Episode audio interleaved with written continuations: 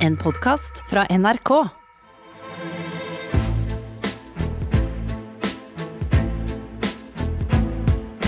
Trump mot verden med Gjermund Eriksen og Sean Henrik Matheson. Velkommen til Trump mot verden. Velkommen til vår tirsdags touchdown. Og ikke minst velkommen til vår gjest i dag. Herregud, vi kjører toppfolk igjen. Noe annet ville jo bare være tullete. Fridtjof Jacobsen, god formiddag. Tusen takk. Ja, Det er en glede å ha deg her, Fridtjof. Du er musiker, forfatter og journalist. For de musikkinteresserte så er du Biff Malibu, vokalist i, i Glucifer. Jeg kan bare spørre en liten ting, Fridtjof. Dere hadde jo et comeback for no, et par sesonger siden nå. Hva, hva, er, hva er ståa nå i Glucifer? Eh, smitte, smittevernsutsatt. Ja, eh, lagt på is. Som ja, alle andre band, egentlig. lykkeligste 50-årskrise Ja. eh, på konsert. Du hadde det? Eh, ja. Ja, det husker jeg! Jeg, jeg, jeg, jeg embraced my age ved å stå og skrike som om jeg var 23 igjen. Å, det er og eh, helt bakerst, helt oppe. Altså, der oppdaga jeg For jeg kom jo for seint. Ja. Fordi kona mi er notorisk for seg. Men der oppe var det en bar helt bakerst der. Så det, det var veldig stas. Ok, Ja. eh, Hadde du noe å legge til? Nei, det, er bare, det har vi jo merket. Da vi kom og spilte igjen, og da hadde det gått 15 år siden sist. Og, og mange av de samme folkene kom jo om igjen, Ja. altså for å gjenoppleve. Som jo er jo en del av reunion. ikke sant? Gjenopplevelse. For oss òg, i og for seg. Kommer noen nye om, men det er jo at eh, skamløsheten øker med alderen. Det kan man si. Ja, men er ikke det litt deilig, da? I hvert fall når man står og rocker. Ja, ok. Ja, men jeg har lært meg edrudansing. Det får vi ta en egen podkast om. Det er en egen podkast. slippe seg Ja, løs. Det er, det er en helt annet, eh, Gjermund. Men eh, kanskje, eh, Fridtjof, for de aller fleste så er det mulig at du kanskje er mest kjent som eh, journalist, ofte politisk. Jobba her i NRK i mange år, VG i mange år. Nå er du politisk redaktør i Dagens eh, Næringsliv. Eh, Og for et par år siden, hvor lenge er det gått nå forresten, Eh, så jobba jo du sammen med Anders Giæver og lagde en podkast som het Giæver og, og Joffen. Et par år siden du ga deg der, er det ikke noe? Sånn cirka? Jo, ja. det var eh, ut 2018. Ja, nettopp. Men det var i hvert fall eh, Der hadde dere en, eh, som de første egentlig, eh, egen, en egen Trump-føljetong. Eh, Med andre ord, eh, du har fulgt eh, Donald Trump nøye og nært og tett de siste åra. Gjennom denne tida, Fridtjof, har ditt syn på Trump endra seg på noen måte?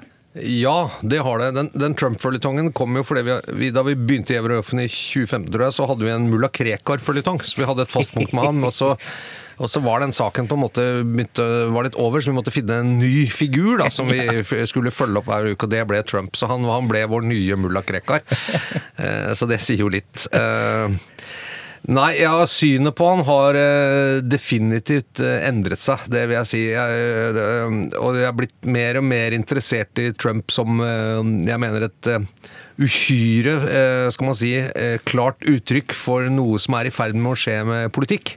Og som er mot, eller som kanskje utfordrer en del vante forestillinger vi har om politikk, men som kanskje, når jeg ser på det, egentlig ikke er så eh, rare eller helt utafor boksen. Det er bare at det er litt større, som det ofte er i USA. eh, enn i mange andre. Og hva dreier det seg om, da? Det dreier seg om at eh, særlig vi i Norge, og kanskje i Europa, sånn, vi trekkes jo veldig mot konsensus. og Hvis vi snakker om ting og politikk, så ønsker vi gjerne at folk skal bli enige. Vi vil gjerne ha saklige og opplysende debatter. Det er jo en sånn ting. Helst skal liksom være enighet, kan ikke få lov til å snakke ut. Kan ikke få lov til å, kan ikke finne en løsning. Vi ser det nå i, i denne koronatiden, hvordan vi, vi respekterer våre politikere fordi de på en måte setter kiving til side og finner løsninger sammen og respekterer hverandre i krise osv. Og, så og det er bra. Det, og det er jo hele hemmeligheten bak eh, vellykketheten liksom, i den norske politiske modellen, er at vi, vi er sammen. Vi tar Frp inn i bobla. De liksom blir kooptert, de er en del av det politiske establishmentet. Men så er jo politikk også, og for alle som har fulgt det litt, er at politisk instinkt er konflikt, polarisering, sette ting på spissen, gjøre sine egne synspunkter tydelige. Drama, gjennom, ja, med, gjennom å på en måte sette opp mot andre, og også selvfølgelig veldig mye også dem. Og det er, Hvis vi ser på vår egen politiske debatt, så er det ganske sterke innslag av også dem, og det har alltid vært det i norsk politikk. Eh, Arbeiderbevegelsen, eh, liksom, de vokste gjennom å sette på et klart skille mellom oss og dem, mot borgerskapet f.eks. Og det var naturlig, og det var eh, viktig og det riktige, det er en del av politikken. Og Trump gjør egentlig veldig mye av det samme. Eh, Så er det ganske ufordragelig, og han gjør det på en, på en måte en kjip måte, kan man si. Men, men eh, samtidig, eh, det er politikk, selv om man, man ikke skal beskrive det som noe som på en måte er helt utenfor det som er etablert politikk. Eh, Du har jo dekka USA i, i mange, mange år, vært i Det hvite huset en rekke ganger. Hva er sterkeste minnet ditt fra Det hvite huset? Det, er to sterke minner jeg har derfra. Det, det ene er da første gang eh, da Jens Stoltenberg var og besøkte Obama eh, som Natos generalsekretær. Ingen vi- av de to er mennesker, folkens. Ingen Nei. av de to er mennesker. Men da vi kom inn i det, inn i det ovale kontoret eh, for første gang Jeg må si at det å være det stedet eh, som er så historisk sted, da da, da, Det var noen som kommenterte etterpå at du fulgte ikke med på hva de sa i det hele tatt. Du bare sto og kikka der rundt. Jeg ble helt sånn besatt. Jeg tenkte jeg må, jeg må ta inn alt der. Hvilke bilder har han på veggen? Hvilke statuer? Altså alt sånne ting. Og, og noen fortalte som sto bak skrivebordet hans, det der Resolute Desk, ikke sant, som sa at han hadde en liten sånn Sånn derre mottoting, ikke sant? Sånn som man Ja. har et lite sånn uh, ordtak, da. Nå vet du det, det sto Sure I can. Nei, det Nei, sto, sto 'Hard things are hard'. Å, Og han var så kul og sånn, ikke sant? Og Biden og kom litt inn litt seint, for han hadde vært og pissa sikkert, og gammel mann, ikke sant? Og kom liksom inn i rommet og sånn. Nei, Det. Eh, Det gjorde inntrykk. Eh, Og så gjorde det inntrykk å se Obama noen ganger i sånne møter hvor han sto på pressekonferanser og begynte å dra opp dette litt sånn eh, Nesten religiøse måten han hadde å snakke på med disse triplettene They say, we say Altså se det det var liksom, Han hadde en naturlig sånn eh, jazz på en måte i måten han snakket på. Var- du merket at du fikk lyst til å reise deg og si halleluja. Eh, Triplett, hva er det for noe? Er det en rytme i språket? Hva handler det om? Nei, det er, Han bruker et sånt gammelt Aristoteles-triks som jeg har lært av en retoriker, hvor han sier de vil no, eh, liksom heve skattene, eh, øke forskjellene, eh, at det skal bli dumt. Vi vil at Ah, okay. ikke sant, Det er det like- magiske tretallet. Ja, tre tre, ja. Ja, ja, ja, ok. Og så gjorde det veldig inntrykk da neste gang, da Stoltenberg var og besøkte Trump første gang. Hvor, hvor annerledes stemningen var, og Trump hadde en sånn pressekonferanse i dette inne i Det hvite hus, i et sånt ballroom, hvor jeg tror han har en del sånne ting. Og da var vi liksom Natos delegasjon, som het. Vi fikk sitte på første rad, og der kom Steven Miller og Bannon og Kelly Ann. Alle var der, på en måte. eh, å se på sånn Trump, han var, da var han i sånn dårlig form. Han var sur, han så gammel ut, og han var ganske sånn forvirra, han hørte ikke hva folk sa. Og det var sånn åh, for et menneske. Eh, Og så se liksom Stoltenberg som sto sånn og, og var kjempa litt med å holde ja, nei, Det var interessant. Det var interessant. Altså, liksom, der er han! Ikke sant? Ja, det var det. Sterke opplevelser, begge to. Ja, det skjønner jeg. Skal vi, skal vi, eh, kanskje vi skal høre Motorhead, bare sånn for å kjenne litt på det også, før vi går videre? Yes! Ja.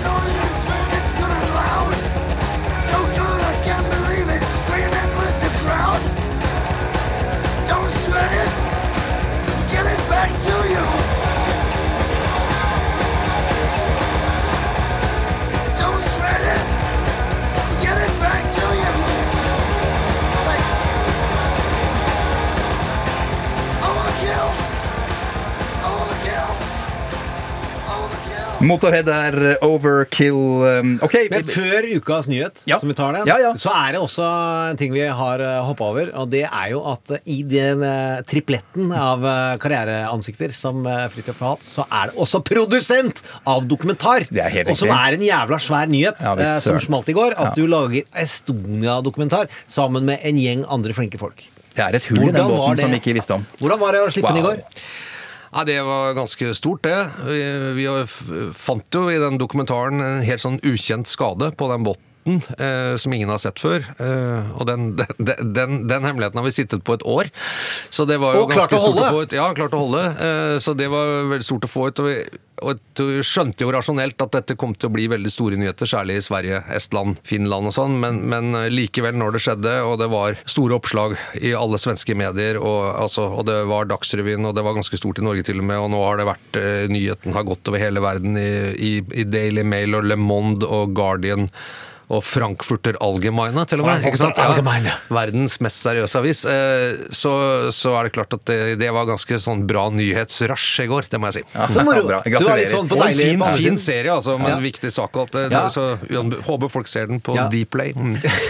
Dplay der, altså. Eh, La oss gå løs på det som Ja. eh, foreløpig er eh, the breaking news da, fra Donald Trump og det som foregår i hans verden. For et par dager siden så avslørte New York Times skattepapirene til, til Donald. Dette har vi jo venta på i årevis. Han har jo lovet å offentliggjøre dem. Aldri gjort det. Det havna i rettssystemet. Påtalemyndigheten i New York har bedt om å få dem. Fått klarsignal av Høyesterett, blitt anka i huet og ræva osv. Det har blitt stoppa hver eneste gang. Men nå altså så kom da New York Times på banen. Var det natt til mandag? Søndag kveld var det nettopp. Ja, natt til mandag. Samme kan det være. Eh, Fridtjof, eh, vet vi hvordan de har fått tak i disse skattemeldingene? Nei, det vet jeg faktisk ikke. eh, Det er mange, det er jo fra 2000 til 2018. Så det er en svær bunke. Det er et båtlass. Så det er jo noen da som har unik tilgang til hele rekka hans. Ja, Det har jeg lest et eller annet sted. Unik tilgang, hva nå enn det måtte bety. De fins jo et eller annet sted, da. Ja, ja. Altså, for de er jo levert inn et sted. De fins flere Ja. steder. Så, så det er jo godt journalistisk kildearbeid, tenker jeg. Hva er det viktigste vi har fått vite så langt, vil du si, om disse, fra disse skattemeldingene? Ja, det at rike amerikanere driver skatteplanlegging og betaler lite inntektsskatt, det, det, det er jo ikke så overraskende. Det er det jo en del uh, norske uh, rike folk som også har gjort. Betaler lite skatt. Ja, er jo særlig fantastisk norsk folk som driver med eiendom. De Ja. slipper jo godt unna på det. Så det, det syns jeg ikke er så overraskende. Jeg vi skal se litt hva som spiller ut. Det er jo det som virker eh, å være liksom Trumps eh, brand, for å si det sånn. Og identitet er jo det at han skal være veldig rik og vellykket. At han er en veldig vellykket businessman. Og jeg ser jo de har kjørt ganske hardt på at dette viser at han egentlig ikke er så vellykket likevel. At han er f.eks. ikke er rik. Og Ja, det er jo gjeld, har han ikke det? Har han ikke fire milliarder i gjeld Det eller tror jeg svir litt, altså. Ja, det- Eh, det, fordi at uh, Mytene hans ødelegges. ja, og det, det så den nye serien som er kommet nå om det, med det Russlandsetterforskningen som eh, akkurat har kommet nå på Agents of Chaos av Agents of Gidney. Chaos, ja. Og der, der sier jo han at en som sier at du må huske at Trumps selvbilde det han ønsker å være, er en oligark. Ja. Eh, Oligarker må jo være rike. ikke sant? Og sier at det, og i jakten på å bli rik så gjelder det ingen regler. og Det er liksom det litt russiske greiene at Eller italiensk i og for seg. At det, det er lov å ta seg til rette, man står litt over loven, man kjører litt på. Det er litt som i den Succession-serien. Men du må bli rik, ellers så er du ikke vellykka. Det er liksom penga som gir deg noe å, å slå i bordet med. da. Eh, og den, den kan jo gjøre litt vondt. da. Eh, veldig enig i det med at han var en nullskattyter. Eh, burde ikke komme som en overraskelse, og det har de jo skrytt mye av. Eh, og så er det det at eh, Men en, en- en- Det er jo forska en god del på hva er det som gjør at folk allikevel stemmer på Trump. Og en ting er jo konsistensen og koherensen i merkevarene hans. Og den er bygget på at han er en kjent og flink forretningsmann som lager avtaler som han kan leve av. Så står det eksplisitt, og det er nok vilje med vilje fra New York Times ganske tidlig i saken, for at de vil under huden på han for å få han til å overreagere, at det virker som han Eller det er, nå er det definitivt klart at han er flink til å spille en vellykket forretningsmann, for disse skattepapirene viser at han ikke er det. Han sier offentlig i Financial Disclosures, som han kom med i 2018, at han har tjent over 400 millioner dollar mens han er president, mens han i skattepapirene har tapt 43 millioner dollar. Mm. det å ikke være konsistent i det kommer ikke til å svekke hans base, som er på sånn eh, 35% hardcore, som ja, han kan, skyte, han kan faktisk skyte folk på Femte evne, det tror jeg vi er forbi nå å tvile på. Men uh, de som er i randsonen, at det her gjør litt vondt, at det der er litt dumt, det er jeg ganske trygg på. Hva At det, er, det kvalifiserer til October Surprise, den fjerde i løpet av fire uker. Ja, det er jo det med det det er jo veldig lett å sette, sette ned sånne rasjonelle ting. Når dette skjer, så må det skje. Men det viser seg jo at, øh, at øh, det slår jo sjelden til. Det er veldig vanskelig å gi sånn, prediksjoner om hvordan ting kommer til å virke med han. Det, det jeg lurer på noen ganger med han, er, er stemmer folk på han, eller stemmer de mot det andre? Eh, det tror, eller, og det kan sikkert være sammensatt. Mm. det jeg tror Trump er god på, egentlig, eh, er jo en ting som også er kjent fra norsk politikk, som Erna Solberg eksempel var god på før 2013. Det er å komme med problembeskrivelser eh, som folk kjenner seg igjen i. Altså, jeg ser dine problemer, jeg ser dine ting. Eh, man ser jo at den økonomiske utviklingen i USA, som bl.a. Seltzer snakka om her, med, med at middelklassen ikke har råd til å gå til tannlegen osv. Eh, det, det å liksom bare se det, eh, og, og sette ord på det, og si at jeg, jeg føler dine problemer, som han også gjorde i hvert fall Trump-kampanjen gjorde i rustbeltet osv., Mm. det eh, gir en voldsom politisk tiltrekningskraft. Og nå eh, ser jo liksom det er nok kommuniserer jo på mange plan, ikke bare det vi ser. Men vi ser jo nå at han på en måte både sant, han anerkjenner veldig behovet for lov og orden hos folk. Det er ganske sterkt i USA. De er jo lov og orden besatte og har jo et politi som, du, som er på en måte mye mer firkanta og, og, og omstridt. Ville, Jeg, jeg tenkte det ville ikke gått i Norge å ha et sånt politi som gjør har der. Og så er det mange som har en backup-plan på hofta. Ja, Men hva, er den største, hva mener du? Hvor, hvor firkanta og vanskelig, hva, hva mener du når du sier det om politiet i USA? Nei, altså, USA er jo et veldig sånn Merkelig nok så er det jo en blanding av et ganske sånn anarkistisk og individorientert land, men ekstremt sånn regelstyrt. Så Veldig opptatt av regler, og hvis du følger regler, ikke følger regler altså Du, du kan sånn bli stoppa av politiet for veldig sånn små, rare ting. Eh, og da må du stå med lua i hånda og bukke. Jeg husker jeg ble stoppa en gang der borte av en sånn eh, fyr som var i hvert fall tolv år yngre enn meg, som kalte meg young man, og på en måte kjørte en sånn derre bare helt sånn vanlig powertrip, og du skjønte at du liksom måtte eh, Men de er ikke så veldig opptatt av hva som er rett og galt, og de har ganske mye sånn skriftlige regler, og også ganske mye sånn moralske kodeks som folk skal etterleve. Eh, Sånn, ikke sant? Ikke sånn, Bor du i et vanlig sånn suburb eh, utenfor en by, f.eks., så, så holder du orden i hagen. eh, Og du, ikke sant? du lar ikke unga flytte sånn. Det er, det er veldig, de er veldig regelbundne. Eh, og, det, eh, og når det da blir opprør og kaos og sånn, så ser du han gå rett inn i det og sier jeg, jeg står for lov og orden osv. Og, så og den utryggheten folk føler. Så når, når vi ser de to utenfor det der fete huset med våpen som skulle forsvare Ja, ja. seg, så syns jo vi det er helt psycho. Men, det, men det tror jeg ikke eh, Det er ikke helt gitt at store grupper i USA syns det, f.eks. Okay. Men tilbake til New York Times-revealen. Syns du det kvalifiserer til October Surprise i forhold til dine eh, følelser? Mm, jeg er usikker på om Ja. det er det. Jeg er usikker. Jeg, altså, Skal det måles i effekt på valget, eller skal det måles i hvor mye vi kan ha forventa en ting? Hvis, hvis det skal være en October surprise, så må det være at det får han til å bruke altfor mye tid på det, som jeg tror egentlig ikke er så interessant for velgerne. Men Ja. at han bruker for mye ressurser på det, og da i- glemmer å konsentrere seg om ting på en måte som kan flytte ting over streken. Det, sånn sett så kan det jo kanskje virke, men jeg er usikker. Oktober Surprise er jo et grep som brukes eh, der det slippes en bombe, gjerne i oktober, da, selv om vi har fått eh, et par stykker nå. Ja. Nei, fire. fire. Ja, først var det veteranene, Før så var det. Woodward-boka, og Ja. så var det Ruth Bader, Ginsburg, og nå er det denne, disse skattepapirene som de liberale mediene, og egentlig hele venstresida og sentrum, har sagt at de vil se, og så fikk man dem. Dersom Trump skulle tape valget, Fridtjof, eh, hva vil disse skattepapirene og alt dette her ha å si for ham da, tror du? Ja, hvis han taper valget, så er det jo veldig Det er jo den store spenningen. Ja. Hva skjer da?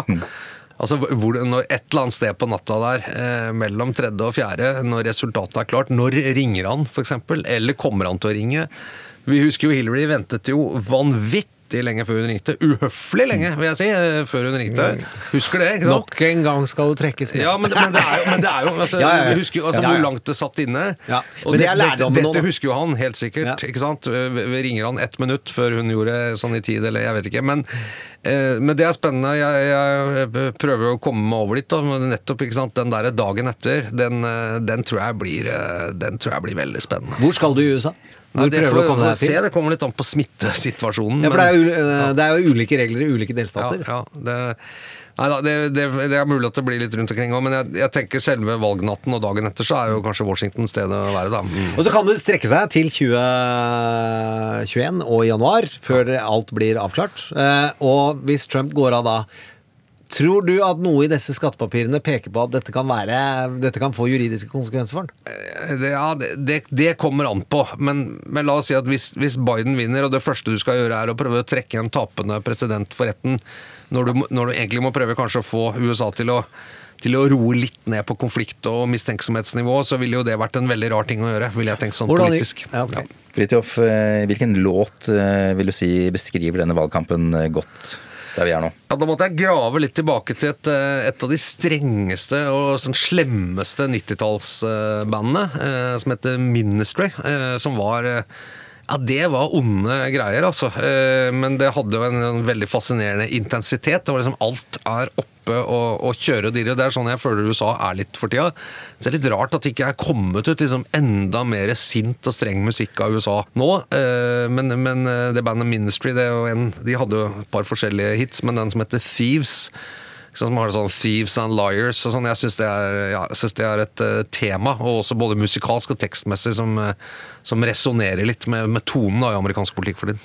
Len dere tilbake og lytt til dette, og særlig du, mamma. Hør på.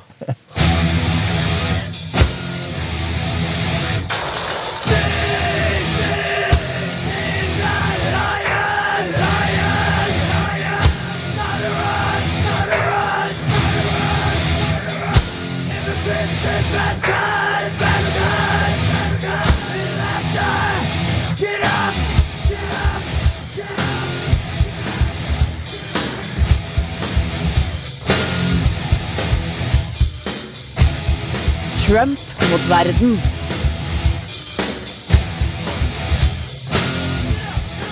Ministry der, altså med, med Thieves. Um, Jeg sitter her med Fridtjof Jacobsen, som du uh, er klar over, du som hører på denne podkasten. Uh, Fridtjof, hva er det som gjør presidentvalgkamper så spesielle? Det beste med presidentvalgkamper ut fra et sånt journalistisk eller man sier, dramatisk standpunkt, er jo at det bare er to kandidater. Eh, og at eh, det betyr at det er konflikt, det er drama. Det er en klokke som tikker ned, eh, det er en deadline, det er et point of no return. Altså Det har alt som skal til i en dramaturgisk kurve som som Gjermund kan alt om. Selv om han eh, innimellom prøver liksom å stikke av fra den, så er han jo egentlig en slave av denne kurven som eh, vi som journalister er veldig glad i.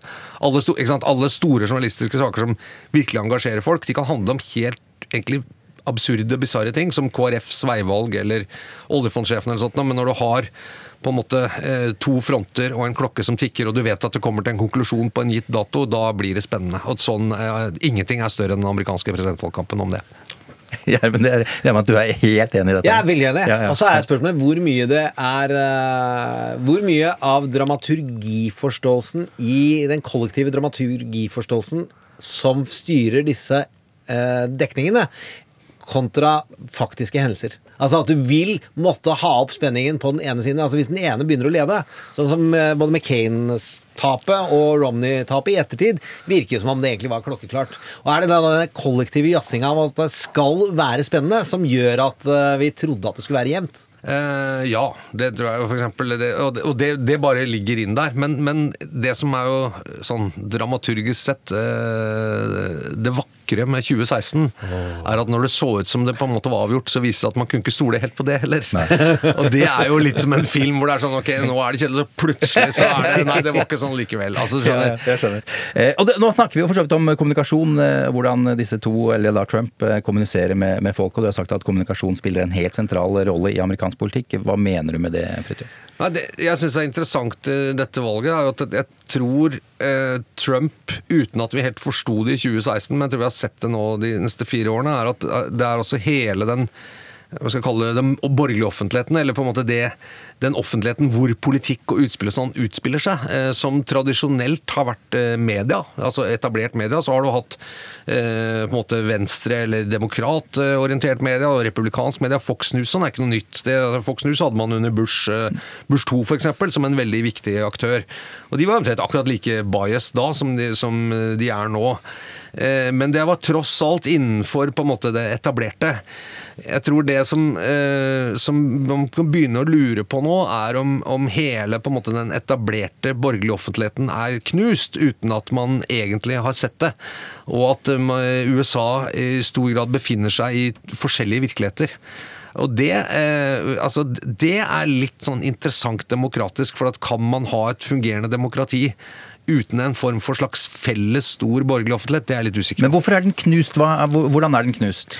Nei, det, dette er jo fordi eh, hvis, hvis man henter nyhetskildene eller sin på en måte oppfatning av verden som man ikke ser, men som man må ta inn med å liksom lese om, eller som man ikke erfarer liksom rent fysisk eh, Hvis det hentes eh, fra eh, medier eller nyhetskilder som eh, er helt ensidige, eller som eh, er løgnaktige, eller som er spekulative, eller, eller driver med det, så, eh, og på en måte algoritmene i på en måte brukergrensesnittet, da, som Facebook YouTube og andre ting, YouTube og Facebook er er de at du bare største. får bekreftet dine egne fordommer. ikke sant? Eh, Som jo de algoritmene legger opp til. For at det er mye deiligere å få bekreftet at verden er så fucked up som, som man vil tro at den er. Og da bare pusher jeg på det, for de ønsker jo at du skal bruke mest mulig tid der. Da, da får du ingen motforestillinger.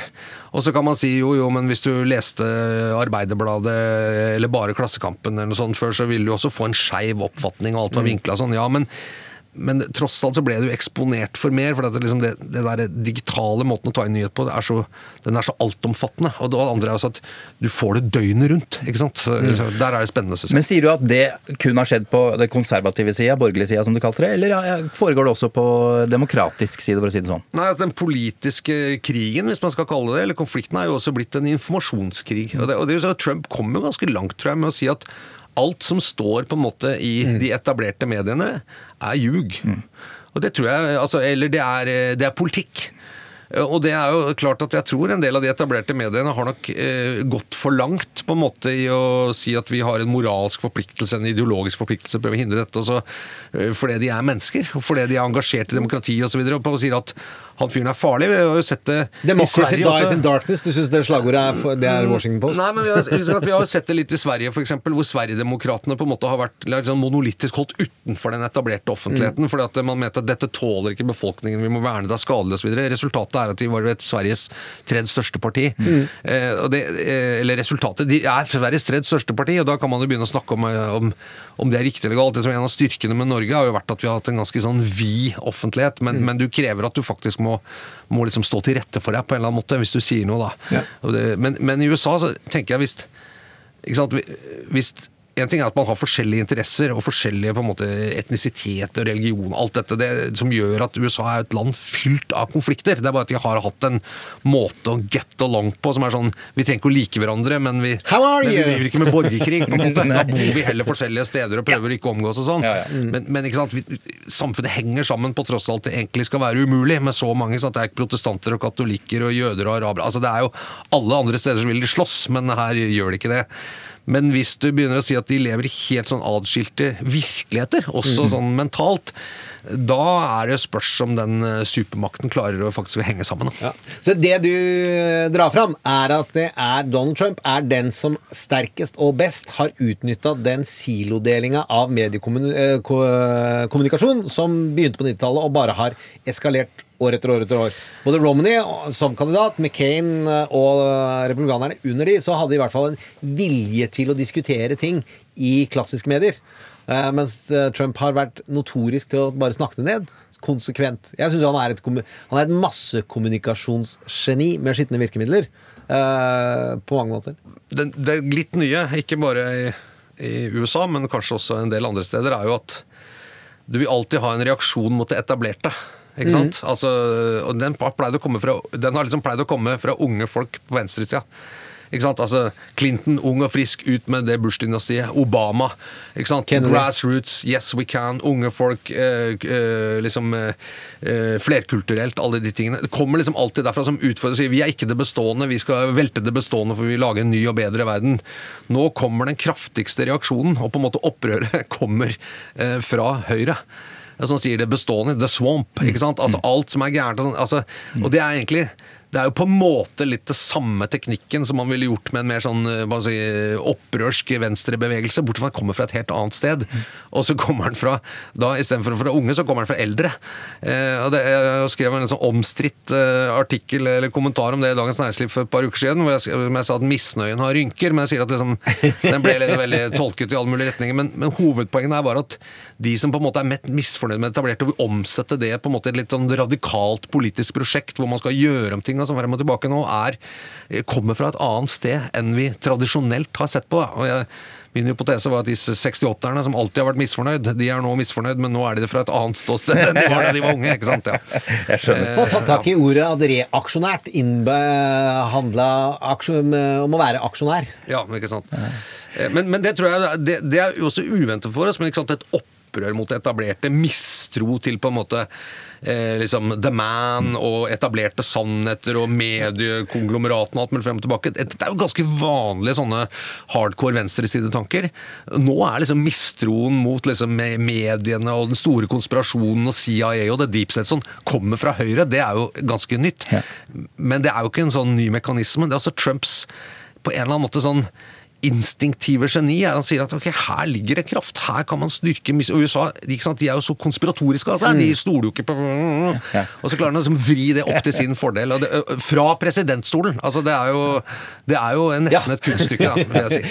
Eh, Seltzer tråkk fram i forrige uke eh, at uh, dette, den store, lange, viktigste linja er arbeiderklassens mange uh, ikke får innfridd løfte om den amerikanske drøm.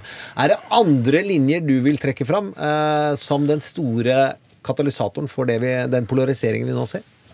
Nei, jeg tror, jeg tror Seltzer har rett i det, men jeg tror du kan dra det opp i middelklassen. Altså, det, det som jeg har erfart når jeg har vært der borte, jeg har vært en del i Wisconsin eh, blant annet, det er jo at ikke sant, i USA så er den derre eh, de har en veldig sterk sånn arbeidsmoral eh, mellom dem. Altså, hvis du, du kan jobbe Uh, og det er litt sånn macho, egentlig. Sånn, jeg kan jobbe, jeg er sterk, jobber. jeg kan gjøre det. Men, men jeg er vant til at hvis jeg jobber hardt og står på og på en måte går på jobb selv om jeg er sjuk og holder på sånn, da får jeg belønning. At jeg, får, eh, at jeg klarer meg selv, jeg klarer å ta vare på familien min. Jeg får et ålreit sted å bo. Uh, Det blir utdanning, det blir litt orden. Og så må jeg engasjere meg litt frivillig i samfunnet og sånn. Men, men når den muligheten er borte, Eh, og eh, folk på en måte som er helt ordentlige, vanlige borgere som eh, sier at for det første at det ikke er jobb, eller at de liksom må begynne med tre forskjellige jobber, småjobber. De må snekre litt, de er usikre. Og de, på en måte, de mister huset, de må inn i, i, i, i trailer eller sånn mobile home, liksom. ikke sant? Selv om de på en måte eh, prøver å gjøre så godt de kan. Da blir det farlig. Men hvordan har det skjedd, det du beskriver nå? Det er jo noen av de samme mekanismene som vi ser i Europa. Eh, Det er urbanisering. Det er at eh, nye generasjoner får høyere utdanning og dermed flytter fra bygd til by. Da blir det ikke mye igjen å gjøre på bygda. Eh, Det er stor velstandsøkning, både liksom økonomisk og kulturelt, i byene og byregionene. Men der er ikke alle som passer inn. Der er det ikke så mye sånn klassisk arbeid. Og så får du en tapende klasse. Og, amerikansk kapitalisme er jo helt totalt hjerterå når det gjelder for eksempel å flytte bedrifter til et sted hvor profitten kan være litt høyere hver dag. Og dette er ikke bare Trump sin feil, dette er, eller, dette er mange års politikk, er det det du sier, Fridtjof? Ja, det er jo ja. uregulert eh, på en måte som, som Bedrifter, kapitalisme, er jo hele kjernen på en måte i samfunnet i USA, eh, og det aksepterer folk, og du er din egen lykkes med osv. Men, men når de på en måte dropper alt samfunnsansvar, kanskje fordi eierne er på en måte helt kjølige fond, eh, enten de heter eh? Enten det er pensjonsfond eller Eco Capital eller ting som eller private equity eller sånt, som bare skal ha profitt, mm. og de dropper samfunnsansvaret, eh, så vil det jo skje ting i samfunnet, rett og slett. Eh, Det, det verken du eller Seltzer trekker fram, er jo eh, farge. Eh, altså frykten for eh, at USA endrer seg fra hvit til eh, brunt og svart. Eh, som det også ble dratt fram som ganske stor forklaringsfaktor på hvorfor den hvite basen var såpass eh, kompakt når den stemte på Donald Trump i forrige runde. Hva tenker du om det? Nei, Det syns jeg også er interessant. Eh, og så tror jeg som I USA, som i andre land, så er det jo ikke sant, nye generasjoner har et mye mer avslappa forhold til, eh, til på en måte flerkulturelle ting. Mm. Og en ting jeg så da fulgte det mellomvalget i 2018, var det vel, så i Texas, hvor han Betto ikke sant, gjorde Ja. det ganske bra.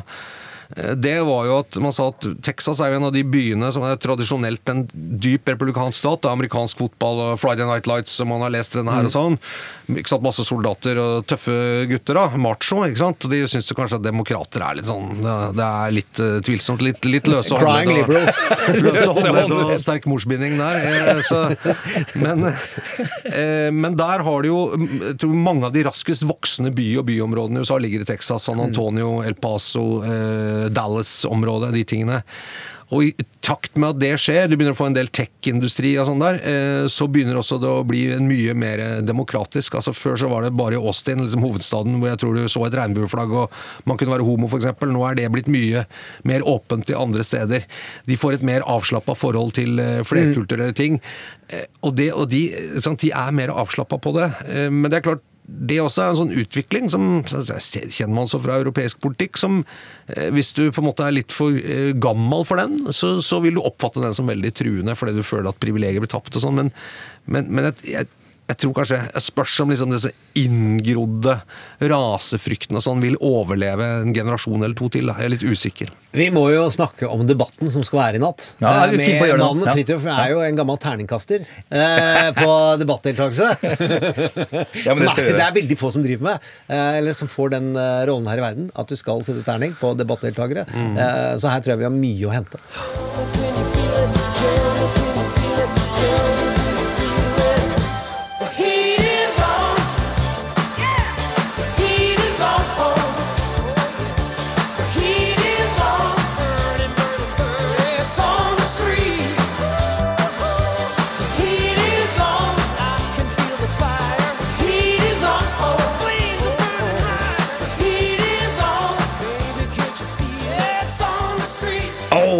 Glenn Fry der, The Heat is.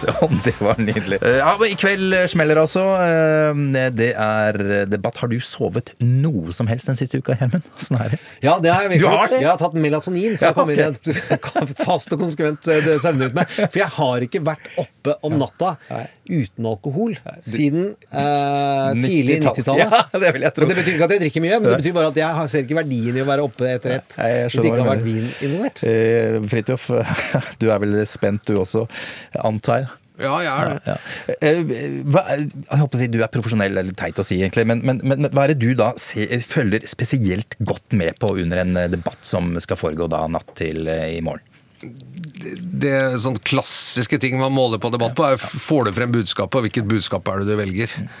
Eh, og klarer du å levere soundbites, eh, øyeblikkene som folk husker, det som vil gå inn og liksom bli spilt om igjen og om igjen i det som amerikanerne kaller the news cycle, ikke sant? det døgnet som går. Det er altså den som klarer å sette dagsorden da, med det man har gjort der. Der er jo Trump god, god, det får man jo bare si. Ja. Han klarer jo ofte å, å si ting som er det man snakker om etterpå. Eh, Så er jeg interessert i å se hvordan er stemningen. Hvordan skal Biden håndtere alle tjuvtriksene til Trump for å prøve å få han sinna eller engasjert eller, eller rasende? Dette med doptesting og alle de der ufine Kommer han til å si det, tror du? Vi burde hatt doptest. Tror du Trump sier noe sånt? Helt sikkert. Altså, Ja, eller det ja. i hvert fall kommer til å ligge under der. eh, Og, og det og det, Vitsen er jo å prøve å få han ut av balanse. eh, For Biden han skal jo nå være rolig altså rolig i møte med gærningen. ikke sant? Og være Mm. Der er rollefordelingen, ikke sant? Ja, ja, ja. Så det er det. Og så er det jo klart, det er jo også, må jeg bare si, det er spennende å se eh, liksom, hvordan er energien? Hvor gammel ser Biden egentlig ut? Eh, Det som jeg tror var et avgjørende øyeblikk i valgkampen i 2016, var jo det der famøse videoen av Hillary Clinton når hun holdt på kollapser på, på vei ut av en bil. Mm. Det var jo helt uh, grusomt, selvfølgelig. eh, og tror jeg var sånn oi. Prege, tror du det hadde noe å si? Er det det Ja, du sier? ja, det, ja, det tror jeg. For da tenkte du noe? Det så ut som en, du er en taper, det så ut som du ikke hadde krefter, energi. Og hun hadde jo hele tiden sagt hun var så ja. Mm. Det det? Man skal ikke se sånt. Det er, eh, det, det er eh, det er ikke menneskelig på samme måten som stua til Erna Solberg. Det er, det er ikke det du vil fra en commander in chief. Men hva, hvis vi ser litt på styrkene eh, ved de to kandidatene, hva er, hva er det Trump har som er bra, liksom? Timing. På en eller annen måte så har han jo en en fascinerende muntlig stil, selv om han på en måte kan si han er dårlig retorisk, men han er god eh, retoriker allikevel. Mm. For han bruker jo eh, altså den derre slarvete Mm. Liksom rare stilen er jo veldig gjenkjennelig og fascinerende. Og menneskelig, er det ikke det det handler om? At eh, vi kjenner oss igjen i ham og Ja, er vanlig fyr i hvert fall er autentisk. Altså, du vet hvem, autentisk. altså, han er den samme du så forrige gang, som kommer inn. Og så er han, Retorikken i en av teknikkene han bruker, er jo at uh, han bare går rett i krangling. Altså, De vanlige er jo trent opp til at nå er det TV, nå er være ordentlig. Han fins ikke ordentlig. Han avbryter hele tida. Og så sier han 'du avbryter meg'! Og så, Nei, er ikke, du blir utrolig satt ut av at han hele tiden anklager deg for det du opplever. Jeg sitter med en eller annen veldig bra norsk retoriker plutselig i et radiostudio hadde forberedt meg som et uvær. Og jeg syns det var helt grensesprengende arrogant det de hadde kommet med. Første den personen sier ja, men Gjermund, det er jo opplevd som utrolig arrogant det du gjør, da. Bare så, Jeg! så, det tok fra meg bare et røkka teppet. og det er han ekstremt god til. Han lager uforutsigbare utspill som han veit at selv ikke den mest anstendige, gråe New York Times-journalisten ikke klarer å putte i headinga. Men hvor, Altså, hvor, hvor, drøy, hvor drøy kan Trump finne på å kunne bli i, i kveld? Ja, det, der har vi jo ikke sett så veldig mye grenser. Nei, han tok men, med seg men- damene forrige gang. men i, ja, det gjorde han, men i de debattene som var tidligere, så var han jo på en måte mindre drøy enn det man trodde. Men da ble jo det en, eh, da ble jo det en sak. Altså, det, det fascinerende med han er at du lurer jo alt på hva han skal si. Det er spennende. Altså, det, det, ikke Idet han er på skjermen og det er ja. kamera går og det er direkte, så blir det jo sånn Hva skjer nå? Det er, sånn, det er usikkert. Ja. Og det vet jo alle. Hvis det kommer, eh, hvis det kommer et sånt eh, et kjent svin inn på en fest eller inn i et rom som er kjent for å være liksom en bråkebøtte inn, ja, så, så blir du spent. Ja. Oi, skal det skje noe? Å, dette er litt skummelt, men gud, det er spennende. Altså, skjønner du? Og det er ubehagelig. Og hvem skal han ta nå? Hvem skal han skje? Altså, skjønner du? Det, dette, er, dette skjønner han. Dette skjønner han på en måte hvordan sette seg selv i sentrum. Det der med å bygge opp en sånn Alle lurer på hva jeg skal gjøre. Alle er litt redd for meg, og de, skal jeg lage skandaleskaik osv. Det, det, det, og det tar han nok med seg inn i de debattene, vil jeg tro. Ja. Jeg vil si det Du har trukket fram timingen. Det, du har sagt dette med språkbruken eh, og det uforutsigbare. Og det er jo da handlingsrommet han har, er vilt mye større enn Biden. Og forventningene til eh, at Trump kan ødelegge for seg selv, er nesten ikke mulig å se for seg. At han kan si noe som rett og slett skader han i nevnverdig grad. Biden derimot, han, hvis han eh, tar et lite sjøsteg Eh, hvis han kommer med en, li, en sånn hvor han mister vokalene, som Trump gjør støtt og stadig, eh, så tolker vi ikke det som demens. Han er, han er på en utrolig mye eh, skarpere knivsegg enn det Trump er, som sitter oppi en spiseskje av muligheter. Ja, det er enig. Biden har mest å tape, det vil jeg si. Ja. Hva- Men hva er Bidens styrker, da, for å, hvis vi tar de også med det samme? Eh, Jeg, jeg, mitt inntrykk av i hvert fall da han var visepresident, og hvordan han var, og også litt i hvordan han ble solgt inn Jeg tror Hvis man begynner å se tenkt i ettertid, når man begynte å se i slutten av Obamas periode, så var det veldig mye Obama og Biden hele tiden Ja. sammen. Så det lå jo kanskje en plan der om at han eh, skulle bygges opp til å bli en, eh, en type, da. Og ikke bare en, eh, en visepresident som ikke skulle videre. Kanskje. Mm.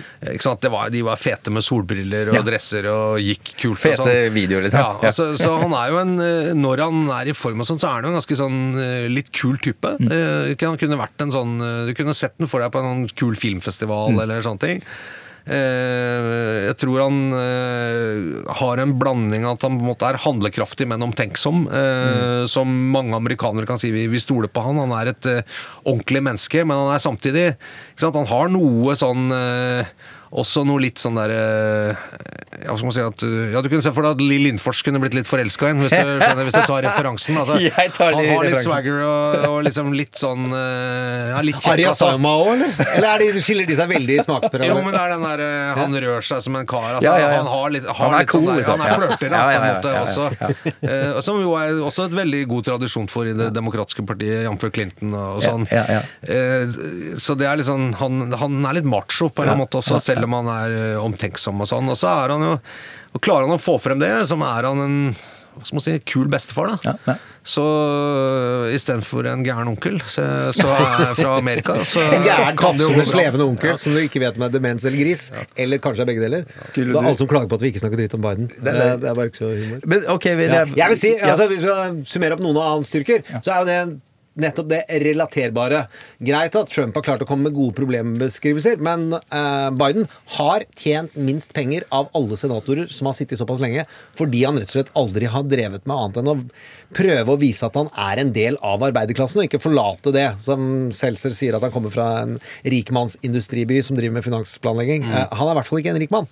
Eh, og han er helt unikt god, og da snakker vi om posering og prestasjon i å se folk. Bill, eh, Bill Clinton er jo kjent i et debattøyeblikk om å si 'I see your pain'. Eh, Å skape det TV-øyeblikket der folk følte at han føler med oss, slik Trump ikke gjør. Det tror jeg de har hatt nifokus på i, på i forberedelsene. Passe på å skape det relasjonsøyeblikket der han gjør seg relaterbar, og har det kortet som han har spilt hele tiden konsekvent. Han er Mr. Empathy. Og så er det Har han heldigvis han har glimt i øyet. Han har denne malarkey-greia som han har slengt rundt seg. Jeg håper de kommer opp med noe nytt. Malarkey-greia, hva er det for? Malarkey er hvor han sier That's the malarkey. Han prøver å dra tilbake til de irske røttene, Mm. og hvor du får eh, tatt litt sånn Totenpoeng. Du kan gå faktisk litt lenger språklig hvis du gjør det på dialekt. Ja, du er et rasshøl. Det er et noe, det er et noe, det er et å komme forbi. Altså, det er rævhølet ditt. Det gaper i alle retninger.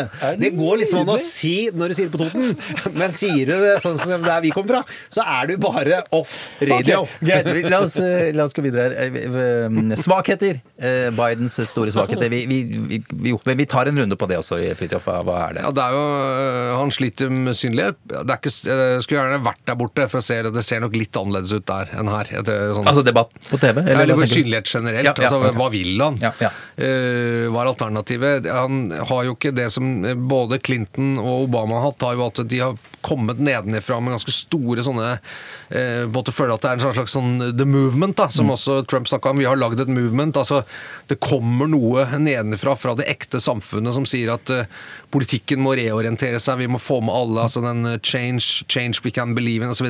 Enormt sterke sånne movements. Eh, Biden er jo mer en internkandidat. Han kommer fra innsida. Og det er jo, det er jo spørsmålet liksom, om det holder, om det er engasjerende nok. Det, I, I debatten, eller generelt sett? Generelt sett Ja, ute i samfunnet. Ja. ja, men sant, kommer du inn i debatten med liksom et stort sånn der, slags sånn der, et eller annet rush som går gjennom store deler av befolkningen bak deg, så snakker du på en annen måte.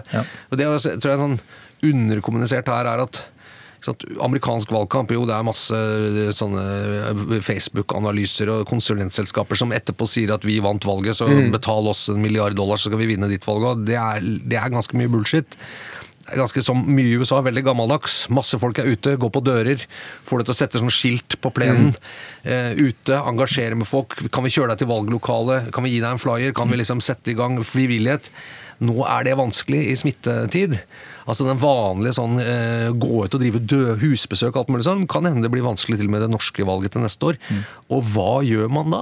For at der er det en del apparater som ikke virker lenger, og hvem, hvem eh, tjener på det? Det er jeg også litt spent på. Og Der er det jo Biden i må i debatten. Han må aktivere koronapandemien, for det er eh, Donald Trumps virkelig svakeste kort. Eh, Men det forklarer også hans engasjement, altså hvordan han vil engasjere frivillige fram mot november. Donald Trump har sagt at han driver med eh, dørbankingskampanjer, og at de banker på utrolig mange dører. Så er det usikkert om han faktisk har fått folk til å gjøre det. Fordi folk er redde for kontakt. Det, er, det, det er greit at Donald Trump ikke folk er jo ofte ivrige på dette enn eldre. ikke sant, å gå rundt og... men eldre folk har ikke lyst på besøk. så det virker Nei, litt det- provoserende. Hei, jeg kommer fra Biden! Og så spytter du ut ordene. Ja, blir ikke populær. Um, Ut fra det dere sa i stad, så kan det nesten virke som om Trump ikke har noen eh, svakheter. Jeg vet ikke om eh, dere er enig i det, eh, Nei, ja, ja. Gjerm- eh, Nei, eh, USA er nå det landet I debattform, da, bare for å si det. Nei, Ja, ja, altså, ja. Poenget er hvordan Hvis man klarer å konfrontere ham med helt ugjenstridelige eh, ting som er dårlig eh, For eksempel USA tror jeg det er nå det landet i verden med flest eh, altså faktiske tall koronadøde. Hvilket betyr at i, i møte med en trussel, en usikkerhet, så har man mista kontrollen. Ikke? Det, og det skal egentlig ikke gå. Taper du kontrollen i møte med krise, usikkerhet og sånt, så er du ut. Det, det er sånn, for det, er, det da er du helt på the basics med de som styrer. Eh, Du, altså, vi må tro at du har kontroll, i hvert fall. Om du har det eller ikke, men i hvert fall tro at du har kontroll. Eh, og de dødstallene jeg synes det er rart at ikke de har Mulig at de har oversolgt det litt. Grann, at liksom de har, de har kjørt på så hardt at, eh, fra presse og demokrater og sånn at, at folk er sånn Ja ja, vi er usikre, men ikke så usikre, på en måte. Men, men hvis han blir konfrontert med det ordentlig, det, han har vanskelig for å snakke seg bort fra det. Da må han liksom ty til at alt er løgn. og Det er løgn, det er sånn, løgn, jeg bare tester det. Jeg tester det. Nei, nei, nei. nei, nei, nei. Det sier Fridtjof det. Nå sier Fridtjof det. Bare for å teste åssen det der går. Men jeg tror ikke det. Jeg tror de har Uh, det, Hans største svakhet er de skadelige sidene ved karakteren hans, og de skadelige sidene Hvilke det- sider er det, da? Nei, Det er jo at han rett og slett har ljugd om at han visste hvor farlig denne pandemien var. Eh, og det har faktisk fått eldre hvite pensjonister til å forlate partiet hans. Ikke i hopetall, men i et skadelig mikrotall. eh, som eh, er betydelig, som vi har sett i tallene i Florida, blant Og der er jo sånne stater som Florida eh, og Arizona, som er typisk sånn snowbirds, som de kaller det. ikke sant? Folk som bor litt lenger nord og drar ned dit. Trekkfugl, altså. Mm. Ja, ja, ja, rett og slett, ja. Det er deres, Jeg kunne ikke ordet snowbirds. Spania, Ja, det er deres bane, helt riktig. Snowbirds. Det står på innsiden av postkassene oppe i nord, hvis det, så står det liksom Snowbirds. Da leverer de ikke avisa på Er det hytta, da sant? Er de second home i Arizona er eller, eller Florida? Ja. Eh, men der bor det jo mange i risikogruppen. Eh, og det er jo der kan man jo følge med litt på bevegelser. ikke? Hvordan, hvordan det går. Det blir Altså- interessant. Og så eh, er det veldig sant det du snakker om soundbites. Altså, det er to sider ved en debatteffekt, har jeg da hørt gjennom eh, å følge 538 eh, notorisk. Men de hadde samtale om det i går kveld, blant annet. Og det er jo debatten om hvordan inntrykket er når folk eh, ser den. Eh, Og det er jo noe av det mest sette TV-programmet i USA. Eh, Jeg tror det er over 80 millioner som så i forrige runde. Det er helt vill rating. Så er effekten hvordan dekker media det? Altså Hva er deres syn på hvordan debatten gikk, som forklarer effekten like mye. Og da er det jo kontrollgrupper hvor noen så debatten, og noen så mediedekningen, og noen så begge deler. Og det har man gjort over flere valg, så det har man ganske god kontroll på at medienes gjenfortelling av hva som skjedde der, er vel så viktig. Og det tredje effekten er jo da the moments, soundbitene fra debatten, som blir spilt om igjen og spilt om igjen. For de da som verken fikk med seg mediedekninga eller debatten, så har det også en effekt. Eh, og det spillet der blir interessant å se. Og da er jeg ganske trygg på at Biden og de må ha henta inn de drøyeste ressursene som fins i verden på hvordan skal du formulere sign-offen i debatten. Hvis den leveres slapt, så tror jeg det er Da blir jeg livredd. Hvis ordvalgene, for det får de, de får en måte å avrunde og åpne greia på, hvis det er noe halvelegant, da er Biden-kampanjen nemlig like lukka og svett som Hillary Clintons kampanje var. Eh, At de tar ikke inn over seg hvor vanskelig det er å overtale folk. Og hvis han er så flink som Obama, som da ringer f.eks. legendariske eh, serieskapere og komikere som faktisk leverer real drama som må sitte som ei kule. Hvis ikke de har ringt og involvert dem, så har de ikke tatt dette seriøst. Da blir jeg livredd. Er det noen som har ringt deg, Gjermund? Nei. Men det er er nummeret. Jeg tror på hjelp. Ok, men bare kjapt her, nå nærmer vi oss slutten her, men eh, veldig fort. Eh, vi har jo snakka mange ganger Gjermund, om at media har gått til seg selv og lært eh, av eh, forrige gang, altså 2016 og kampanjen der. Vil media gjøre noe annerledes i oppsummeringen da, av denne debatten for eksempel, enn de gjorde sist? Vil de dekke dette på en annen måte, tror du, Fridtjof? Jeg prøvde å huske hvordan liksom, de debattene spilte inn i 2016. Sannheten om de tre debattene i 2016, for det er vel tre det var, det, det var vel at de endret vel ikke så veldig mye. Det var ikke der det skjedde. Det kan også skje nå. At dette blir på en måte Det blir en event. Eh, Det blir en del liksom, med en dato, derfor er vi mye styr rundt det, men i praksis så forandrer det ingenting. Eh, Av og til kan det være det politikere kjører mot. Bare la dette ikke rote opp i ting. For Biden kan jo så være et poeng å si at nå ligger jeg godt an. Så jeg skal bare gjennom denne debatten, så ikke jeg gjør noe Overleve. dumt. Ja. Ja, ja. Altså, ikke sant? Hvis han, hvis han nå har oppfatningen at dette valget er liksom, nå, nå handler det om ikke tape, mm. så, så kan det hende han kjøre safe, da. Og så bare lar Trump holde på. Um, lar altså på. Det kan hende dette blir helt udramatisk. Media jeg, jeg tror ja, Hva skal man si? Eh, Det, det viktigste er vel altså blir, Som pressemann blir man alltid beskyldt for å ha en man blir forsøkt politisert hele tiden og gjort til aktør. Eh, Så det viktigste pressen kan gjøre, er vel bare å stå fast på at vi, vi prøver å dokumentere og observere hva som skjer, og når vi mener noe om det, så er det veldig klart på en måte at det er skilt ut uh, som meninger.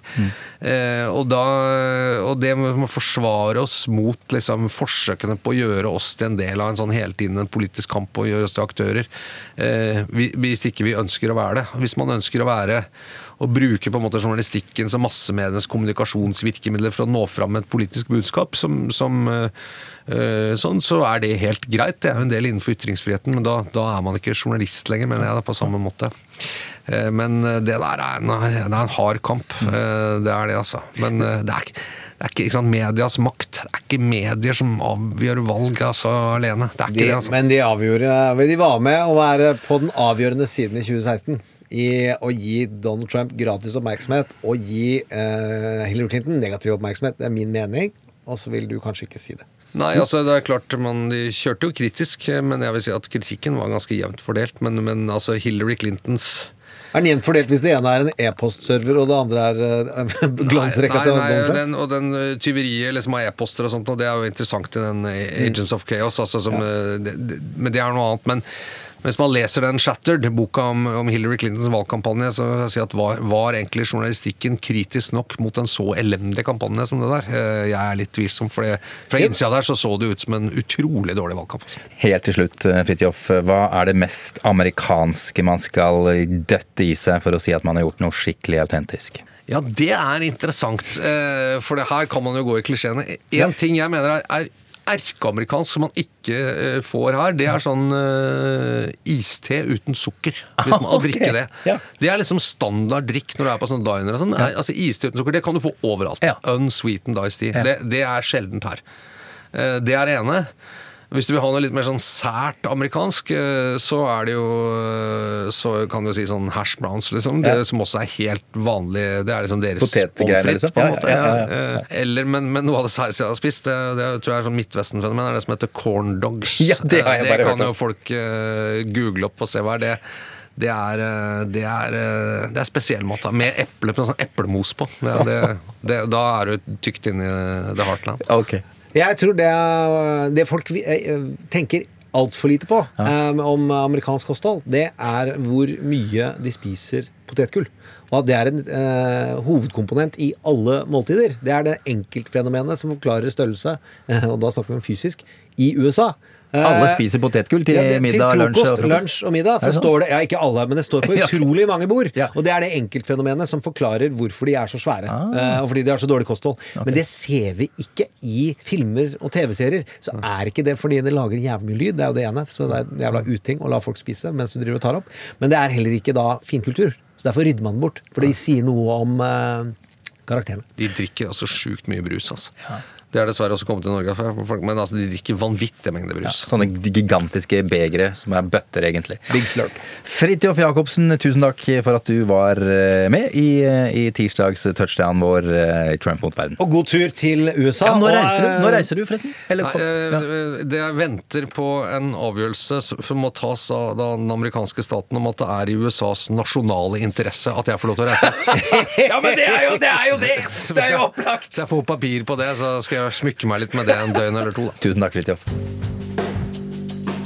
Trump mot verden med Gjermund Eriksen og Sean Henrik Matheson. Du har hørt en podkast fra NRK. Hør flere podkaster og din NRK-kanal i appen NRK Radio.